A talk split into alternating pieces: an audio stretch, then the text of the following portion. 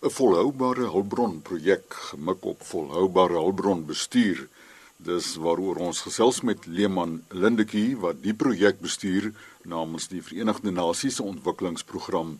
Leeman, wat behels hierdie program en hoe gaan julle te werk op grondvlak? Die projek is befonds deur die Global Environmental Facility. Dit is 'n um, 'n been van die Wêreldbank. Hulle het ontstaan in 1992 na die Rio Aarde um, beraad. En die doel van die Global Environmental Facility is om geld beskikbaar te stel vir um dringende omgewingsprobleme reg oor die wêreld. So hulle is tans betrokke in omtrent 181 lande. Ek dink hulle het oor die 4000 projekte. Ja, so dis 'n groot organisasie. Nou Suid-Afrika het het geld gekry by die Global Environmental Facility om 'n volhoubare hulpbronprojek in Suid-Afrika te begin. Um, hulle het die Verenigde Nasies ontwikkelingsprogram gevra om die projek namens hulle te bestuur, namens die departement van omgewingsake want uit die aard van die saak moet dit deur die staat werk omdat dit geld van die buiteland is. So ja, die departement van omgewingsake is betrokke, die departement van landbou is betrokke. Die Verenigde Nasies um, ontwikkelingsprogram is dan basies die um, beheer van die uitvoering van die projek en ek is dan die projekbestuurder vir die projek.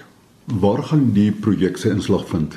Die gedagte met die projek is um en ek dink dit kom in die in die titel van die projek kom dit voor um dis nou 'n lang titel dit is die beskerming van ekosisteemdienste deur die volhoubare hulpbronbestuur in vier produktiewe maar gedegradeerde landskappe van Suid-Afrika. So in in kort kom dit daarop neer ons het vier landskappe gekies wat gedegradeer is en dan is die gedagte dat ons die projek implementeer in die gebiede en dat ons lesse leer uit hierdie vier landskappe wat mens dan op 'n nasionale vlak weer kan uitbou. Die landskappe is um die eerste een is in die Karoo, veral die Namakaroo en dit het te doen met die um beskerming van die oeverkonyn of oeverkonyn landskappe. Dit is hoe die projek begin het en die projek, die spesifieke projek word deur die Fonds vir Bedreigde Natuurlewe bestuur en die tweede een is dan in die Baviaanskloof Um daar gaan dit spesifiek oor die beskerming van spekboomveld.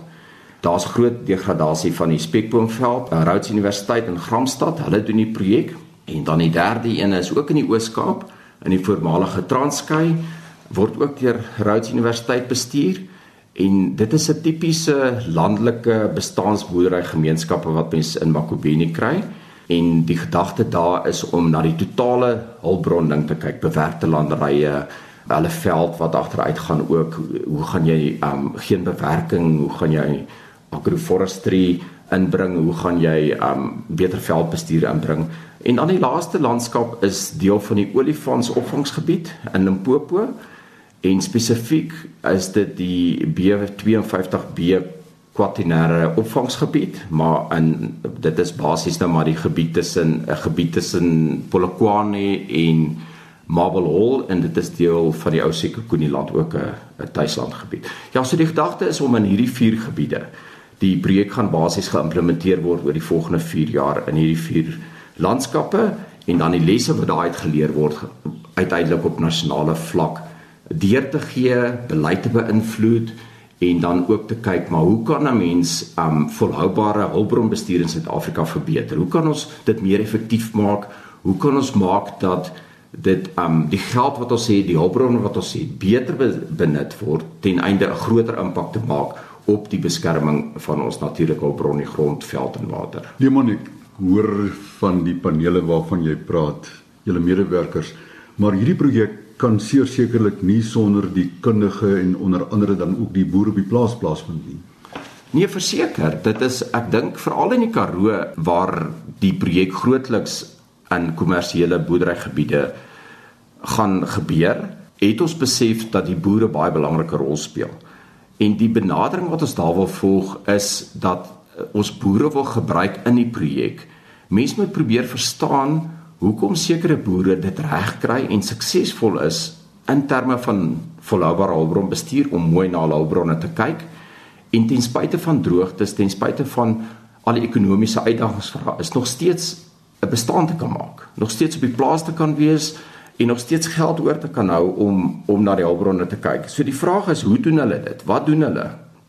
Sodra ons dit verstaan en interaksie met daai mense het en um, gaan sit saam met hulle, gesels met hulle, kyk wat hulle doen, daai beginsels uithaal en dit dan te probeer oordra na die mense wat nie so suksesvol is nie. Wat is die goed wat in hulle plek staan? Is dit finansies? Is dit um ons weet almal dat staatssubsidies op kommersiële gebiede nie meer bestaan nie. Um maar dit kan dit is 'n realiteit en ons kan nie net die hele tyd sê ja, maar ons het nie meer subsidies nie. Wat is die alternatief? Miskien moet ons landboubesighede betrek. Miskien moet ons op 'n ander manier kyk na rentevrye lenings, saam met banke werk. So ja, daar's baie moontlikhede en ek dink dit is een van die ding is hoe gaan ons want mense het finansiering nodig en mense het geld nodig om jou bronne te bestuur. Maar hoe doen ons dit? Wat is die mees volhoubare manier? En ja, om jou vraag te antwoord, boere speel 'n baie sentrale rol daarin.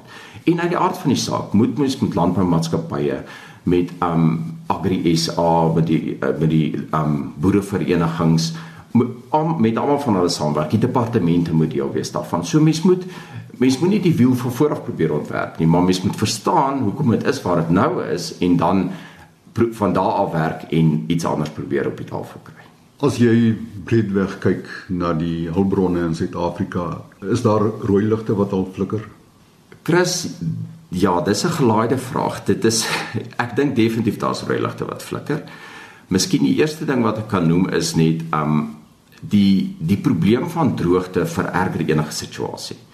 So daar's daar was groot deel van die land kom uit 'n droogte uit, groot dele van die land is nog steeds droog en dan lyk dit altyd slegter as vir dit is. Maar as mens bietjie terug staan en ek dink 'n onlangse studie um wys vir ons die gevaarligte um daar in tussen 2008 en 2011 het die FAO 'n studie gedoen in Suid-Afrika um tesame met met die departement van landbou, bosbou en visserye.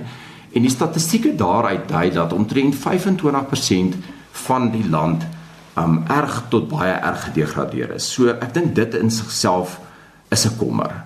Um so as ons praat, kom ons sê 'n kwart van die land is daar regtig ernstige probleme. Die vraag en wat ons nie altyd weet nie, is word die degradasie in Suid-Afrika, word die hulpbron toestand beter, slegter of bly dieselfde? En dit weet ons nie regtig nie. Daar is geïsoleerde studies wat gedoen is wat sê ja, dit word beter. Ek weet daar's 'n studie in die Karoo wat sê die Karoo se se toestand is beter nou as wat dit 30, 40 jaar miskien terug was, werk wat deur Hofman gedoen is. En ehm um, maar oor baie dele weet ons nie regtig nie. 'n Verdere probleem wat ons nie weet nie is dat baie geld word geïnvesteer en um, bespandeer aan hulpbronbestuur deur die Working for programs, deur die Landcare program byvoorbeeld. Is dit regtig effektief? Wat is die impak? Maak ons vordering? Is die degradasie toestand van Suid-Afrika besig om beter te word, dieselfde te bly of is ons net besig om die proses te vertraag? En ek dink dit is een van die goed waarna aandag gegee word en waarna ons ook definitief in die projek gaan kyk is na maniere hoe ons dit kan meet dat ons as ons die regte statistiek op die tafel het en ons weet regtig wat die ware to toedrag van sake is, dan kan mens beter bestuur daarvoor en dit gee dan ook vir jou 'n hefboom om dan vir befondsing te vra te sê dit is regtig slegter as wat ons gedink het. Miskien het ons baie meer geld nodig want dit is die ware situasie soos dit tans daarna uitsien die belangrikste ding waar boere kan help is deur hulle kennis. Um ek dink die boere het 'n ongelooflike kennis van die omgewing want hulle is afhanklik van 'n omgewing om om 'n lewe te maak. En die projek gaan in die gebiede waar ons nou werk, gaan ons gebruik maak van die boere. Een van die uitkomste van die projek is om um riglyne, hulle noem dit nou in Engels best practice guidelines daar te stel om te sê maar hoe kan ons volhoubare hulpbronbestuur doen? Wat doen ons? Wat moet jy met die veld doen? Wat is die wat is die verskillende opsies wat ons het? En in daai opsig moet mense gaan kyk wat is reeds gedoen en wat het goed gewerk. So weer een stap in daai kennis in van die mense wat wat weet wat gewerk het. Um, wat se veidingstelsels werk byvoorbeeld in die Karoo? Hoe hanteer mense die hele probleem met die kuddes, met die met die donkies? En ja, daarvoor gaan ons boere se inligting nodig hê. Hulle bly daar baie van hulle is al 'n leeftyd daarso. Baie het nog kennis van hulle paas en van geslagte voor dit. En ek dink daai ding kan mens nie onderskat nie. En ja, ek dink dis die groot rol wat boere gaan speel in hierdie projek. Wanneer gaan ons hierdie projek se voete fisies op die grond sien beweeg? Van 2018 af gaan die dinge begin gebeur. En ja, die boere in die Karoo sal dan van die um Trust vir Bedreigde Natuurlewe sal hulle kontak. Ek dink Agri SA sal ook en veral in die verskillende provinsies 'n baie sterk rol speel as 'n voertuig om ons te help om by georganiseerde landbou en dan op so 'n manier by die boere self uit te kom. Boere wat ver oggend luister en bereid is om of gewillig is om graag met julle te gesels, hoe gaan hulle te werk? Die maklikste kan wees om maar vir my e-pos te stuur. Dit is Leeman L E H M A N .lindetjie L I N D E Q U E @undp ek gaan nou in Engels sê undp.org. Dan wil ek daarom ook net vir ons vir al ons boere luisteraars sê, Leeman is nie 'n navorser of 'n voorligter wat in die kantoor sit nie. Hy is aktief ook in die boerdery en dit is daar in die omgewing van Ryds nie waar nie. Ja, dis reg. Ek het vir my pa gesê in 2012 toe ons toe ons nou saam begin boer het, ek vir hom gesê dis dis mense het al vir leeftydse ondervinding in boerdery en jy het baie geleer en baie gewerk daarmee tot jy die dag self doen en tot jy self jou hande begin vuil maak dan begin al die dinge vir jou skielik sin maak. So ek is baie bevoorreg om om saam met my pa op die familieplaas te boer en um, ek dink dit gee vir my baie goeie perspektief ook vir hierdie projek. Dit is die goed waarmee boere sukkel, sukkel ons self mee miskien. En die die vrae wat ons het, die vrae wat boere het, verstaan ek omdat jy uit die agtergrond uitkom.